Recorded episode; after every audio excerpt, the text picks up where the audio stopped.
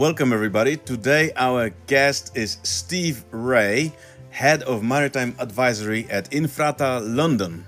Steve has uh, has been involved in many projects in the past and uh, uh, in our region. Uh, before he was the technical director in WSP and associate director maritime and logistics. And I know Steve personally from senior consultant uh, position in Ocean Shipping Consultants. Welcome, Steve. Yeah, thanks, Dominic. And yeah, exactly. I think we go back to about 2010 when uh, when I held that glorious position when we first met in uh, Gdansk. That's true. Uh, now it's Infrata. Can you uh, can you care to tell us about Infrata? Because um, I think you've uh, you've joined Infrata last year. Yeah, actually, I, I think I just celebrated my uh, one year anniversary. So um, myself and uh, a colleague at WSP, Dean Davison, were headhunted by Infrata to help progress their maritime advisory uh, sector, if you like. So um, Infrata is better known actually as an aviation consultant. Um, but in, in the last year, having uh, taken myself and Dean on board, we've been pushing hard to get the maritime um, section um, profitable, which, which thankfully we, we have, at least so far. Um, and we continue to uh, to push. We you know we, we we do exactly what we used to do with our, our previous companies, whether it was WSP, Royal Haskoning, or in Dean's case, uh, Drewrys and, and Moffatt and Nichol.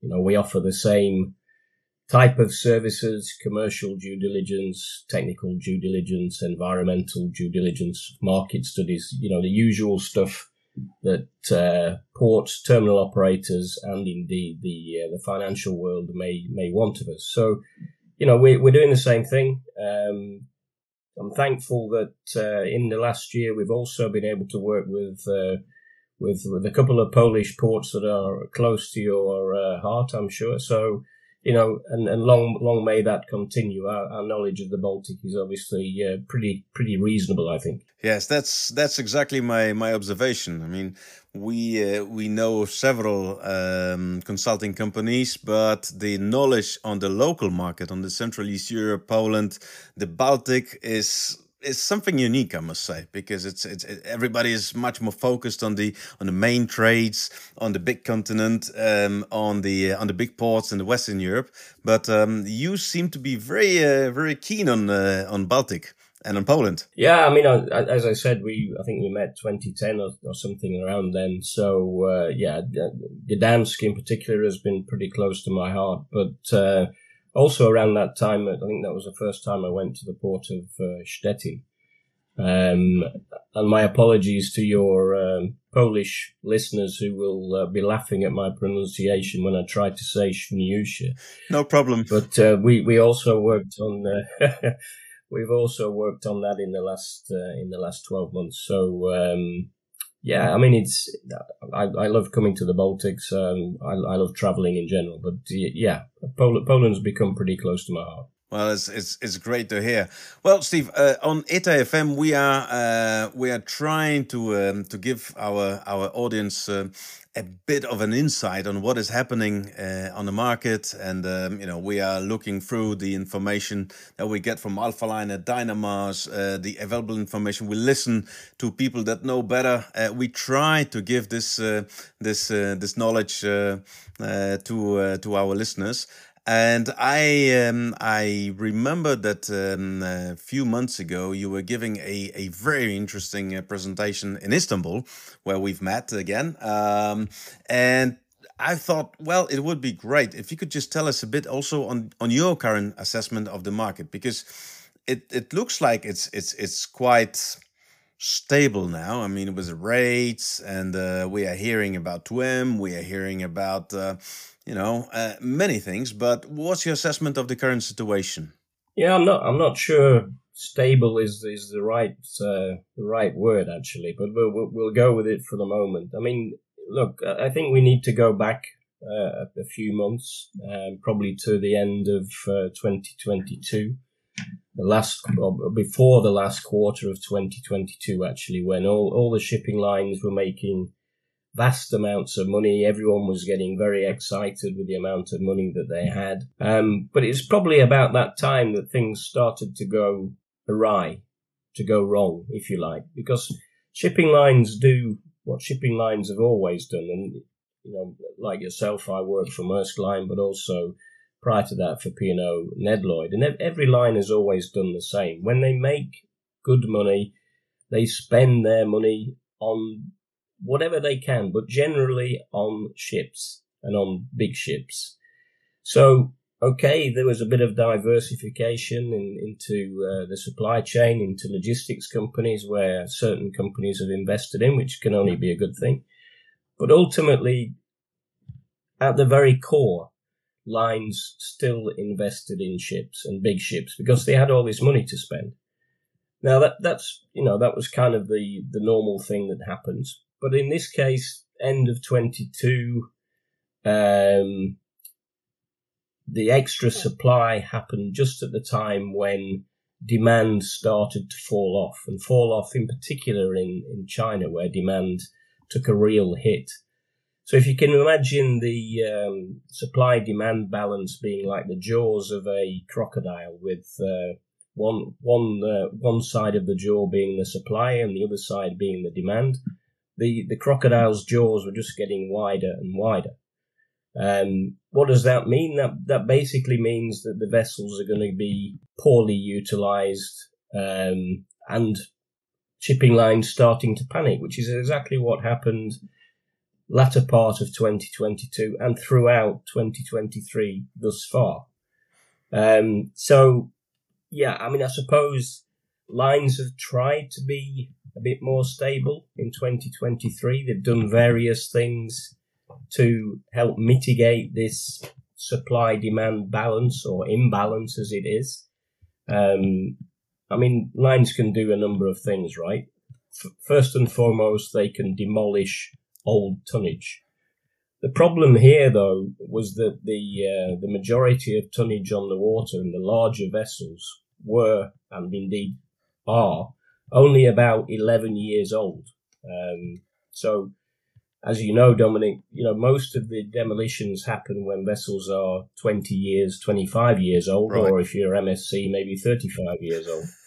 yes. Um, so that really was one avenue that wasn't really open to them. Um, what else could they do? They could, of course, slow their vessels down, which they've continued to do.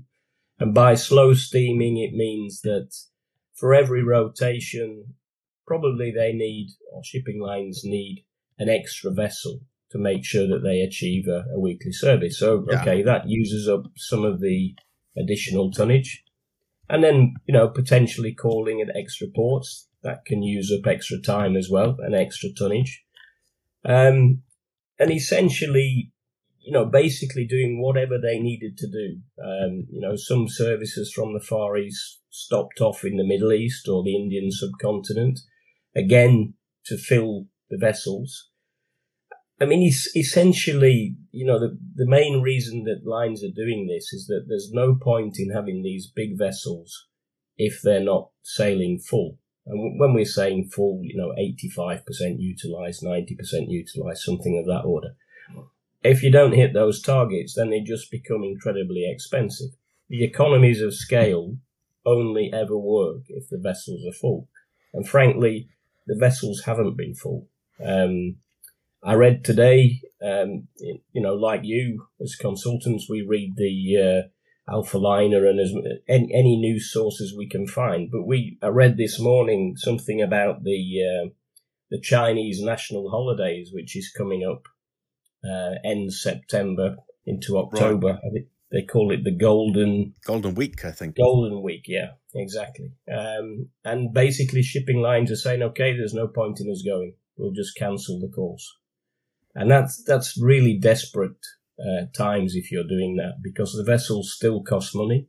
There's still costs attached to keeping a ship, and if you're just cancelling a cancelling sailings, it's just lying idle and costing money so I, I, I, think you know, far from far from being stable, I think you know lines are still still struggling actually at this point.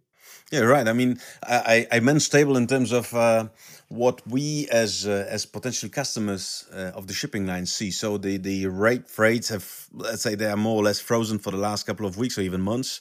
Um, from the uh, moments that they were going up and down and up and down. I mean, recently it was only going up. Now they went down very fast, and now they continue to be like flatlining. Uh, but it could be one of the uh, one of the results of the situation, as you as you said. Um, I also read that there's a a consideration of um, of a new type of vessels because it seems there is a gap because everybody every shipping line was looking into twenty four thousand. Oh no, my vessel is bigger than your vessel. It's like two TEUs more, and yeah, then yeah. you have all the mugs with uh, the largest vessels afloat. And then after two weeks, uh, someone else comes over and says, "No, no, no, mine is bigger because there's three TEUs more." And then new mugs are yeah. produced and, and t-shirts and whatsoever.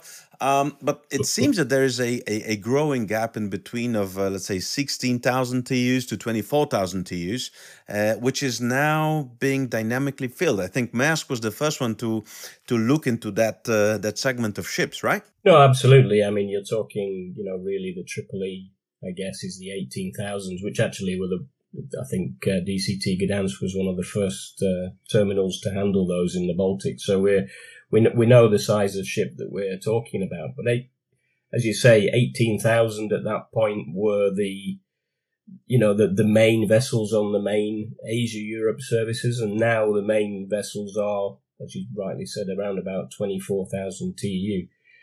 Maersk actually is, is probably one of the only lines that, that hasn't done what the rest of the lines did, and that's you know they have spent some money on new ships, but nowhere near as many new ships as uh, CMA or MSC. So Maersk will gradually slip down the uh, the, the, table in terms of um, uh, the, the, the fleet table, if you like, in terms of numbers. So we expect them to be about third by the end of the new orders. Um, yeah. But yeah, yes, you're right. Um, ultimately, as I said earlier, you have to fill the ships that you have to make some profit. So actually reducing the size of vessels to the 18,000 makes some sort of sense because then you can make sure that they're full. And if, if you're sailing full all the time, that's when you can start putting pressure again on the rates. And ultimately, that's what the shipping lines want to do put the pressure on the rates to be able to increase the rates a little bit, which is obviously bad news for the shipper. But it's, it's only bad news if they don't have an alternative.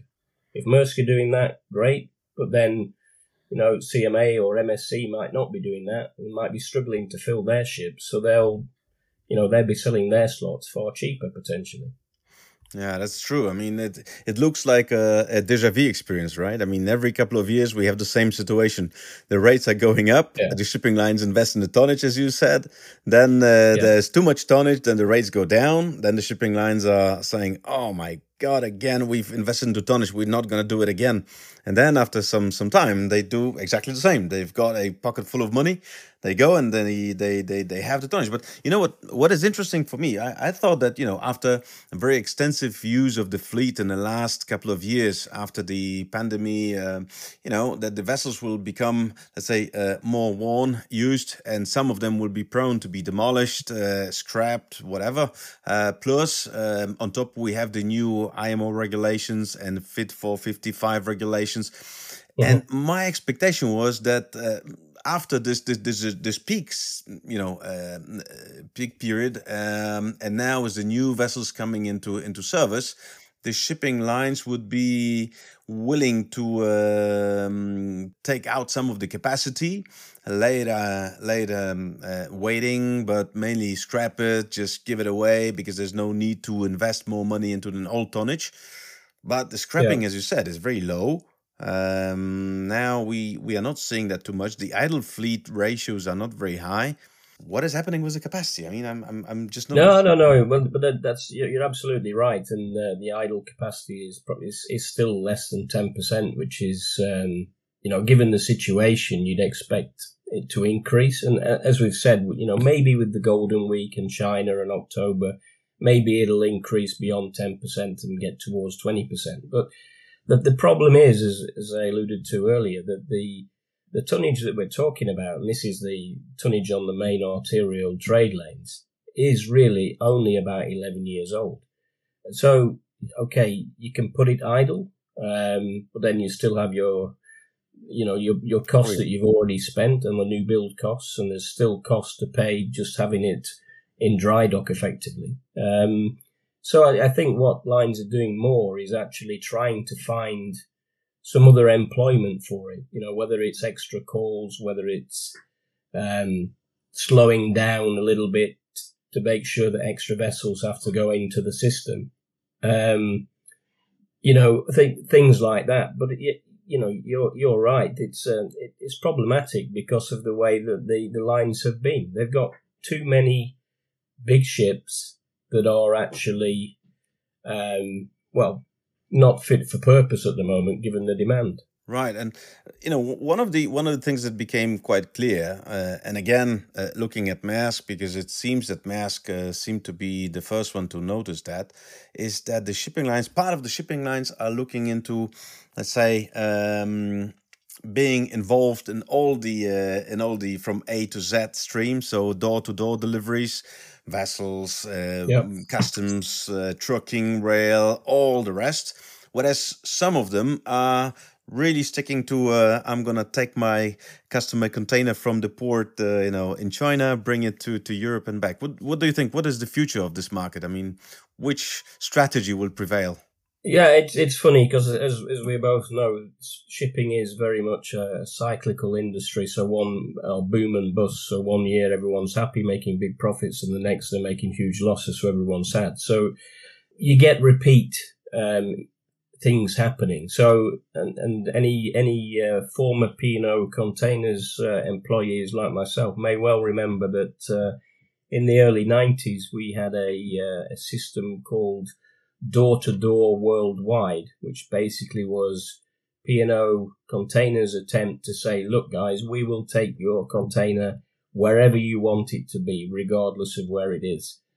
Um, which was a you know a, a, good idea at the time until people realised that actually if there's only one one box that needs to go to I don't know reunion or somewhere like that, then probably it's not such a great idea to offer that service.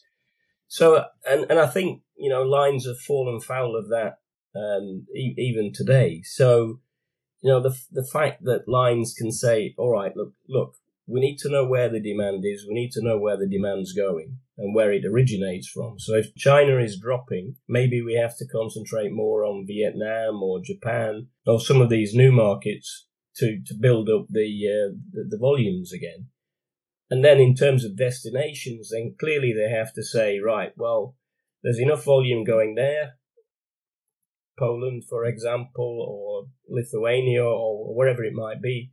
So we need a service there, but we're not going to offer a service to Reunion or Madagascar or some of some of the lesser places where volumes might be a little a little short.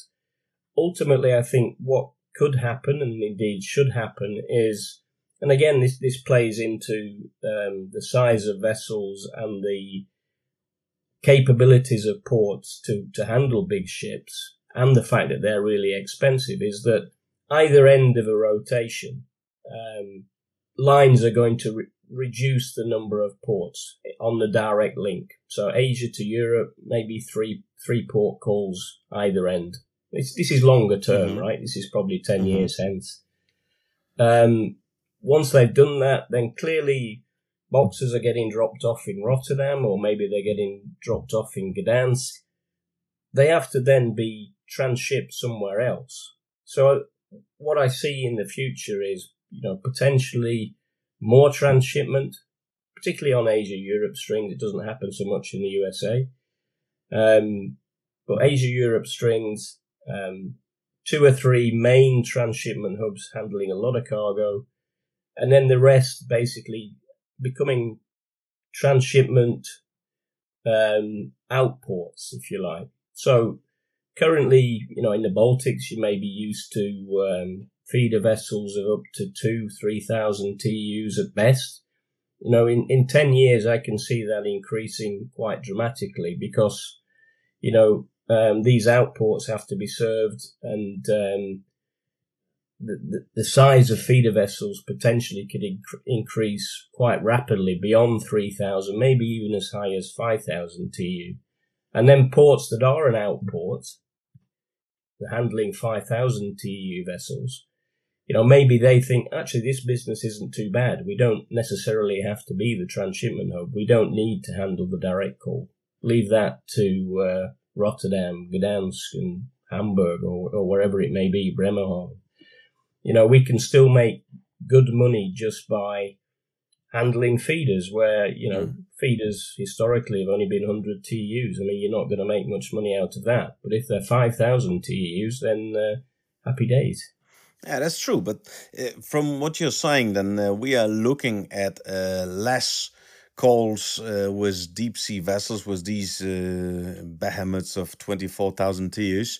Um, so, yeah. would there be still a need for new port investments? Um, in Poland, we are now looking into potential additional two uh, investments. As you know, uh, Baltic Hub is uh, is now building the T3 terminal, which will bring the capacity of up to four and a half million TEUs. Um, then uh, we are hearing from time to time about the the outer port in Gdynia. And uh, recently, we've heard a lot about the uh. So, do you think there will still be a need and a place for these deep sea uh, ports to uh, to be built in the uh, in the Polish or Baltic coast in general? Yeah, I mean it's, it's, it's you make an interesting point because what I was talking about really was you know ten years hence, and it's uh, ten years is is a long time and, and, a very long time in shipping. So in the interim period, certainly um, where lines need extra calls to make sure that their spare tonnage is utilized, then you know, the potential for an extra call at a Gdynia or a Świnoujście makes some sort of se- sense, right? You're using up spare tonnage. You're helping to fill those vessels. Um, in terms of demand, does it make sense to have three deep water port, ports in Poland? Probably not. Um, I think Gdynia with uh, ICTSI and Hutchison already having their riverine terminals, and I think they were offered the opportunity actually to grow the the deep water port there and, right. and turned it down. Um, I think it's probably too close to Gdansk. Um, so basically, it will just be fighting for the same cargo. So that to me, that doesn't make much sense. Um, makes a little bit more sense because of where it is. It's it's further away. It's got um, bizarrely its its its biggest market potentially is is is Germany near near Berlin.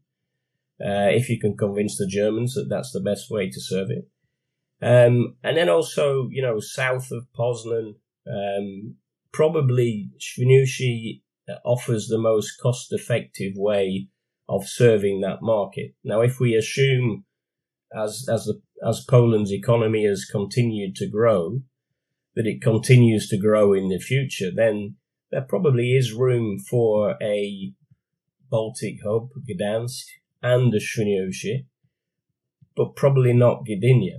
Um, you know, I, I could well be proved wrong, but I, I suspect that having two, but either end of the, the country makes sense. Having two as neighbours doesn't make much sense to me.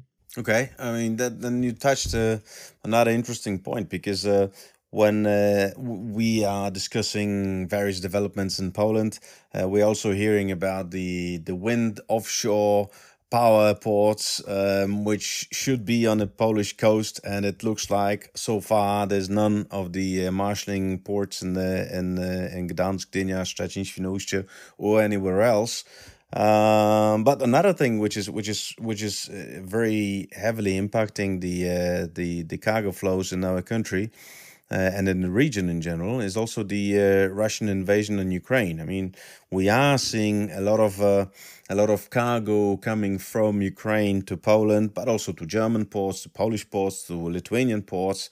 Uh, but do you think um, does it make sense to consider any infrastructure investments to cater for this uh, cargo flow? Because, well, what happens when the when the war we all hope will will stop?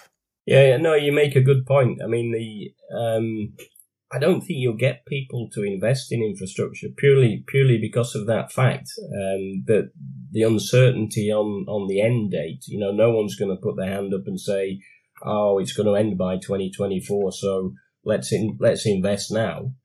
You know, no no one is brave enough to say when the when the end date will be, and, and quite rightly so because you know we don't have crystal balls. I I think as well. I mean, the the main function of Odessa, for example, and um, just to take it as a as, as one example, is that it, it, it was a well well known terminal for its grain exports, right? So I think it was known as the breadbasket of the world at some point.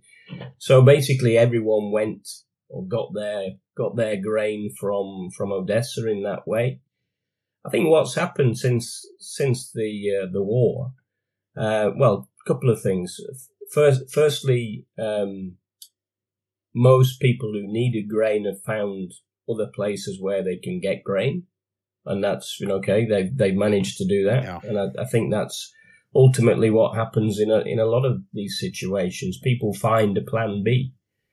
Um, and I think the other thing that's happened is, is again, as you alluded to, um, Ukraine has been able to get some of its grain out primarily, I think, via uh, Constanta in Romania, and that's that seems to have worked okay.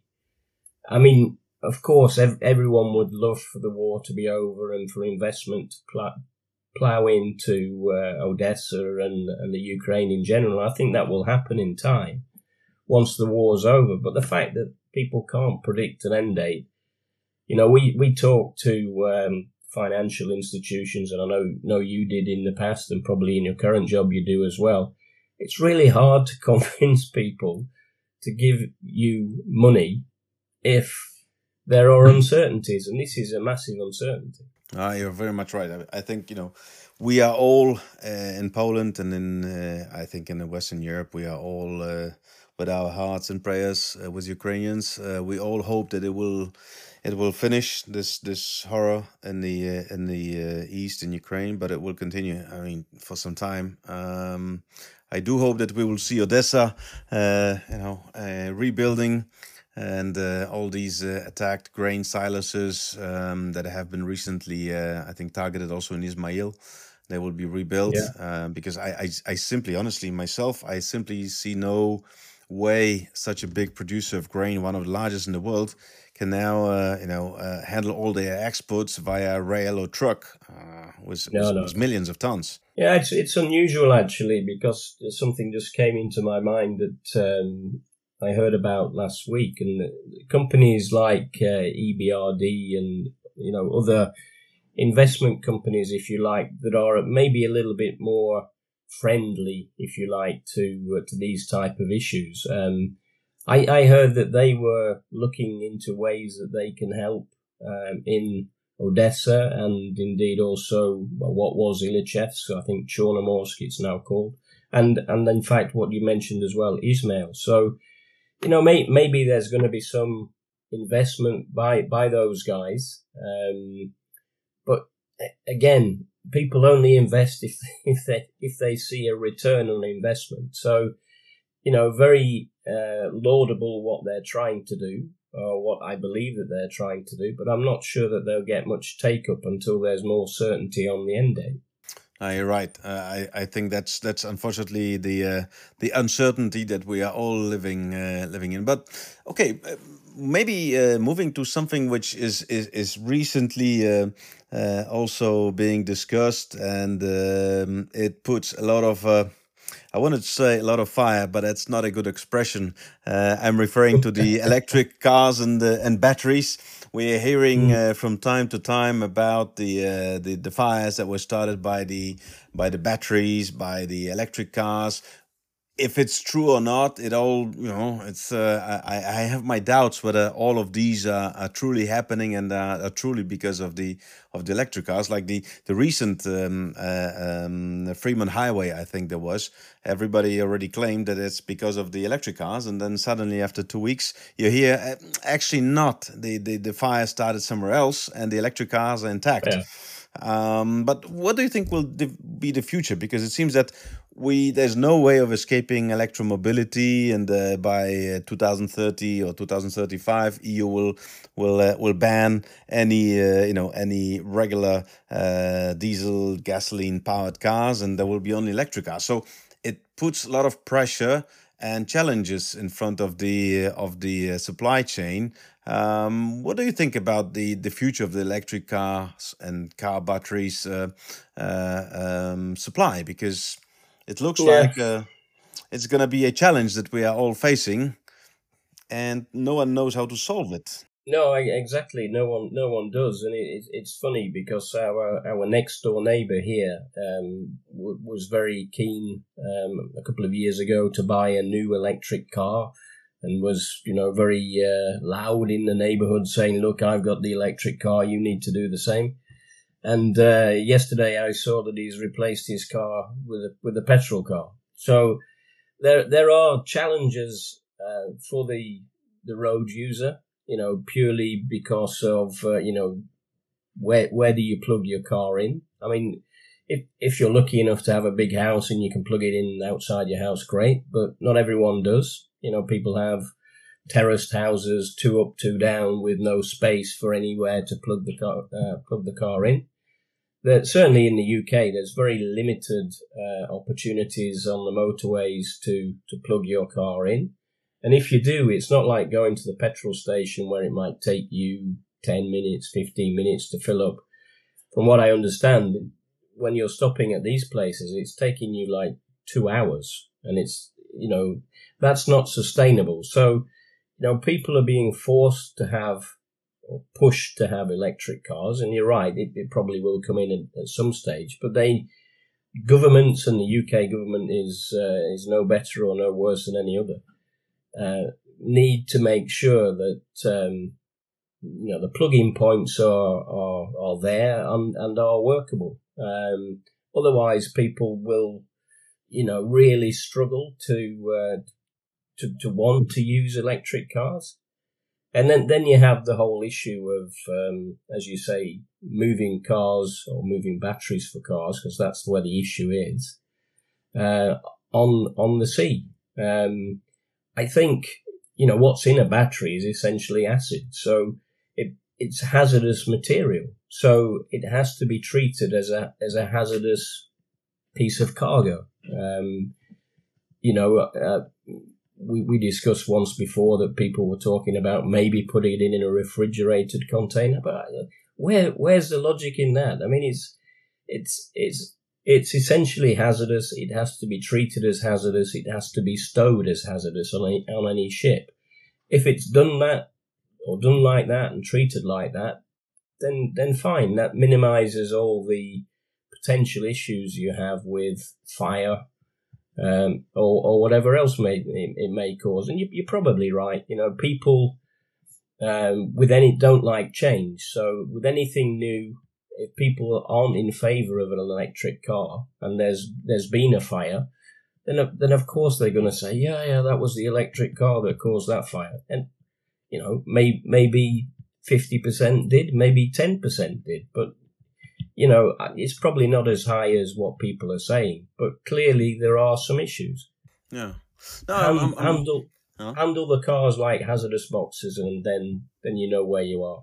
Okay, but you know now uh, there's a big hype of uh, transporting electric cars in containers, um, which are regular dry containers, which then means that all these batteries that were supposed to be delivered in reefer boxes in controlled temperatures, they will be then put in a car and ready-made car, which is obviously offline, if you may say so, yeah. will be traveling yeah. from one side of the world to another and this is okay in a dry box but the batteries have to be in refrigerated containers this I don't understand. Maybe I, am I'm, I'm not an engineer, but doesn't. I'm, I'm, I'm not an engineer either, and I, I, I find the whole thing a little bit uh, a bit alarming.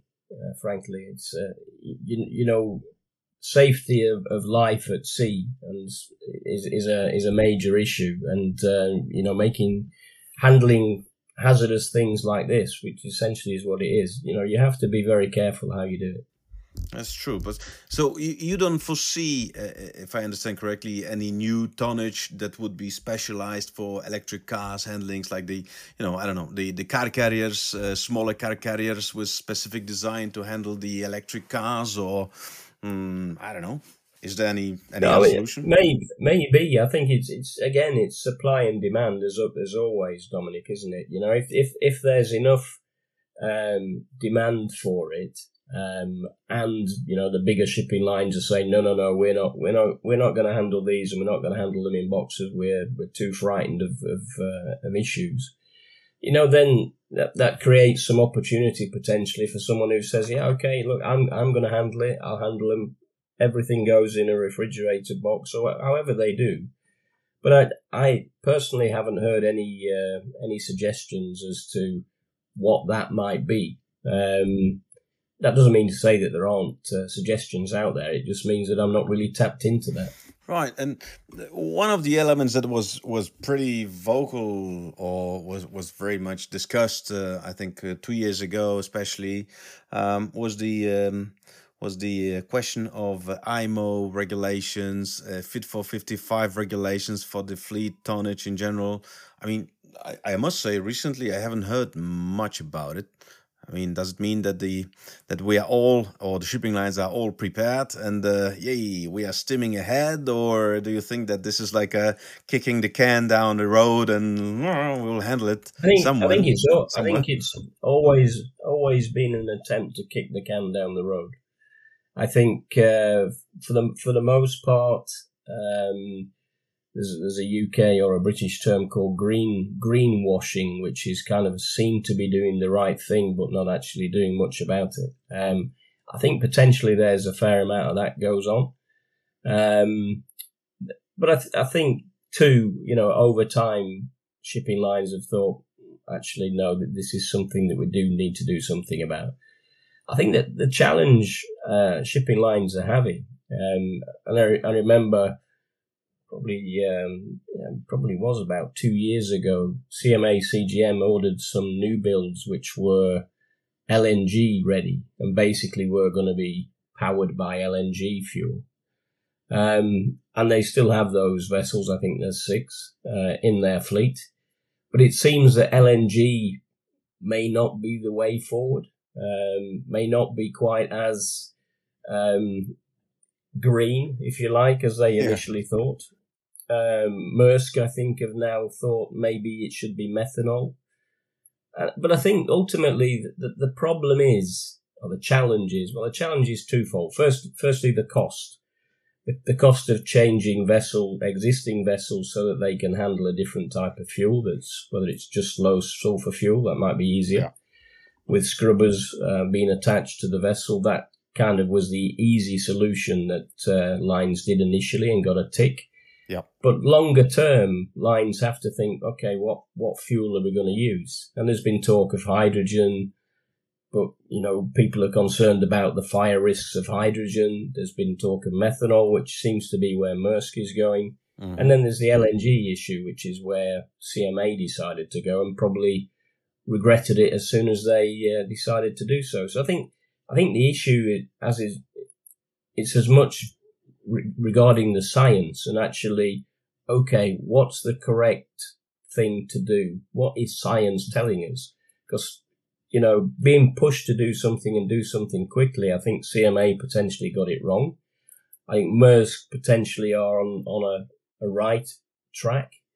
Um, but, you know, again, who knows? I, I don't think there's been enough testing. And to push lines to make decisions quickly and say you have to do it, you have to do it now, when things and fuels haven't been tested is, is potentially wrong. I mean, we, we have to make changes. Of course we do because we're destroying the earth, but, you know, we have to get it right as well. Um, and I think lines lines are really struggling with it, which is why they, to an extent, they're kicking it down the road, kicking the can down the road. But I think whilst the can is rolling down the road, they are trying to work out what the what the best science is. You're right, because I, I could imagine a situation where we will have the tonnage from a few carriers on LNG, then the other uh, new tonnage on e-methanol, then uh, something was regular fuel, then something was very low sulfur fuel oil, then something was uh, hydrogen and ammonia, and then, you know, the vessel is coming to one of the big ports, and suddenly you need to supply all these uh, bunkers, and yep. that's not going to be easy because the cost of the infrastructure is going to be immense. I, yeah yeah, no, exactly. I mean, you need you need bunker ports for uh, for all those all those fuel types potentially. I mean, maybe it gives an opportunity for some of the smaller ports to say, okay, look, we'll be we'll be the methanol supplier. Um, but yeah, you're right. It's um, the disparity of the types of fuel will will cause some issues for the ports and and further inland. I think there was also a mention about the cold ironing, so delivery of the uh, it was yeah. I think was shore to ship power supply of electricity, which mm-hmm. we have one, but yeah. it seems it's not exactly the case because uh, you have different voltages, uh, different uh, if you if you name it sockets or standards. Now we yeah. seem to have a standard, but to be honest, I, I don't know, Steve, but I haven't seen many container vessels uh, supplying uh, themselves from the from the shore with electricity.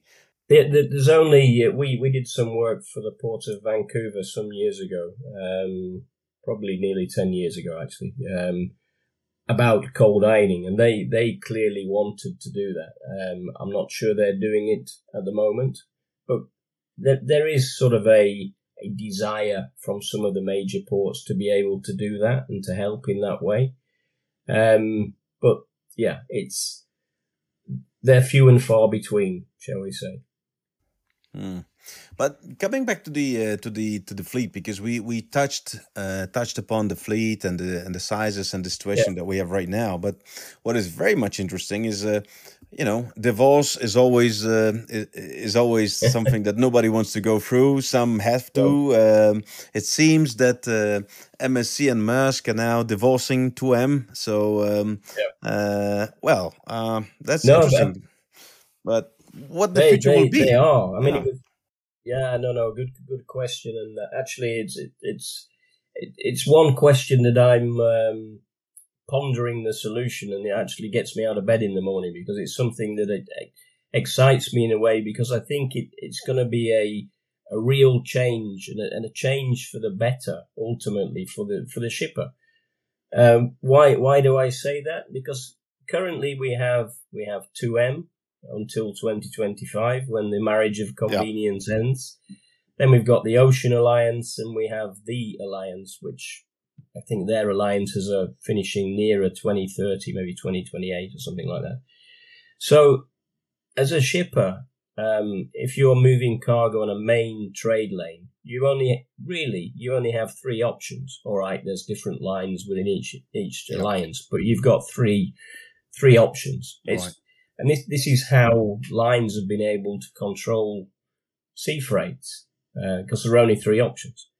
So with 2M announcing um, the divorce, if you like, in 2025, it basically means what are, what are they going to do? How are they going to fill their ships from 2025 onwards? Because I still, you know, you know, in the early discussion we had about supply and demand and demand falling off, how can Maersk or MSC fill a 24,000 TEU ship on their own? Frank, frankly speaking, they can't.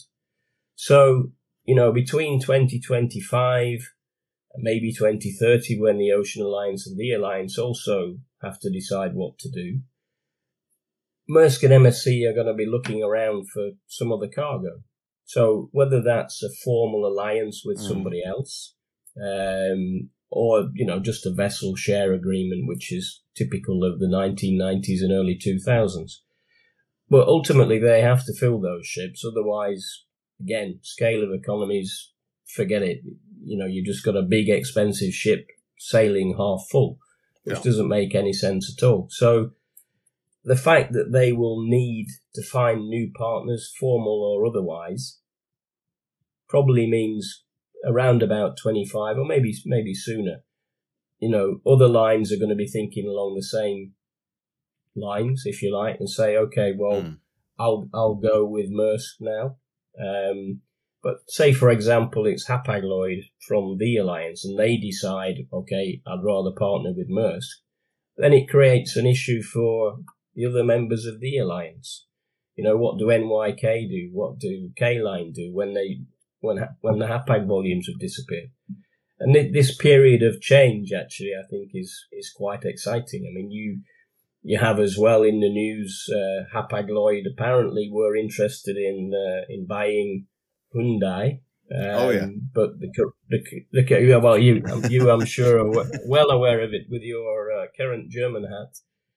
Um, and today I think the uh, the Germans were told, sorry guys, you're not you're not allowed in, um, which I never really thought they were or would be. Yeah. Um, but it, I think it just shows the desire for for more change, the desire to to partner with others to make sure that vessels can be filled.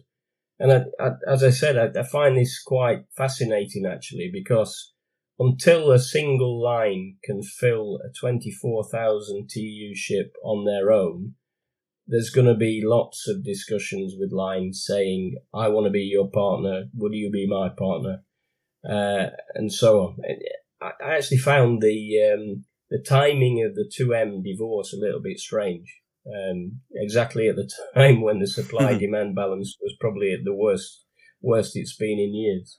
Yeah, that's that's that that's true. It looks like a prom, you know, when uh, everybody is gonna gonna yeah. you know look at uh, at the other date and uh, you know, would you dance with me? Uh, yeah. Would you have my tonnage? And uh, can we do the VSA? Uh, but don't you think that because MSC has been has been recently on a spray of of of of purchasing chartering vessels, they are they are mm. number one uh, currently uh, with a big uh, difference between them and the and the runner up um, with a big order order book. Do you think MSC has a chance of yes of filling these twenty four thousand TEU vessels alone? I, frank, frankly speaking, I, I don't, um, or at least not not at the moment. Um, and yeah, I mean, you can tell it's a male dominated industry, right? Because, you know, it's for, years, it's always been, well, we want to be the biggest and the best, right? So it's a very, a very male, uh, male thing. Um, but no, I, I, I don't think MSC will be able to fill them on their own. I don't think Maersk will be able to fill them on their own. And, and, and the actually only sensible thing that Maersk have done is actually pull back on some of their ordering this last, this last year, which makes absolute sense MSC have gone ahead with orders and indeed a lot of second hand orders as well. Um, so yeah, they're, they're clearly wanting to be the biggest and the best. Maybe the Italian males in charge have uh, something to say about that. And then, then the French clearly are, are doing the same to become number two.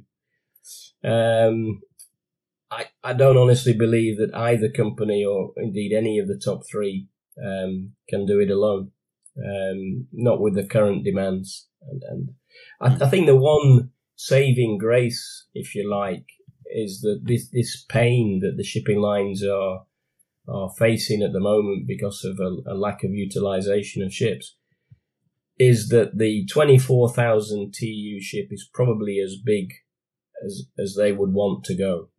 You know, the scale of economies is such that if you if you do the maths, you could potentially get to about 26,000, but the, the difference in terms of saving per box is like 0.01 cent or something like that. It doesn't make any sense at all mm. to hmm. go to 26. Yeah, and if you, fill them. To fill them, exactly. And, and, and you have to fill them. And if you add, add to that the fact that there's a, only a limited number of ports that can handle those vessels, then why would you stretch it even further? I, I honestly think that we've, we're getting to a point where 24,000 and, and lines are going to say, thanks guys, that's big enough. Mm. But you know, we we we uh, we looked into what the situation is, and uh, and uh, and we we had a bit of a glimpse in the future. What do you think the uh, the the short term and long term future uh, of the market will be? Because it's as you said. I mean, we, we started off with me saying it's it's, it's, stable, um, which is obviously after after the discussion yeah. we see it's not. Um, but what do you think yeah. the, the the future will be? I mean, which trends do you see? Yeah, I mean, short term, I think. Um, again, stuff that we, have already covered, but it, it's good to uh, summarize. So, short short term lines will do what they can to fill their ships or indeed um, add ships to rotations. So the, the spare tonnage, that's, that's a given. So, um, firstly, extra port calls on rotations, maybe even extra regions called at. So maybe calls into Jebel Ali or Indian subcontinent from Asia to make sure that they're full. Um, means extra, uh, extra vessels on those rota- rotations, which uses spare tonnage. Maybe, dare I say, uh, uh, an extra deep sea call in uh, in Poland, so they have two, and again use um, use extra tonnage to be able to do that. Slow steaming uh, saves them money on fuel, um, but also potentially adds extra vessels to a rotation, but extra vessels that they have that they they can use. Um, and yeah, maybe even these blank sailings that we alluded to with, uh, you know, the Golden Week is something that they have to consider. Um, so yeah, short short term they they're going to do all those things and even demolish some of the vessels that are, you know, maybe they start to demolish ships sooner. You know, not twenty five years. Maybe they start at fifteen years. I mean, it's yeah, it's uh, ne- never say never in shipping. It's not not something I've come across before, but um, yeah, it's things things are always changing in shipping, as you know. So sh- short term, I think you know all all those good good things I've just uh, highlighted. Those will be done to try to um, to make the situation better for the shipping lines, and then longer term, you know, ultimately. Um, fewer calls in, in Europe, fewer calls in Asia, um, making sure that the vessels can, can sail on those main routes quickly and be turned round quickly, because ultimately these are expensive vessels, right? So turn them round quickly, you know, make sure they're full, everybody's happy.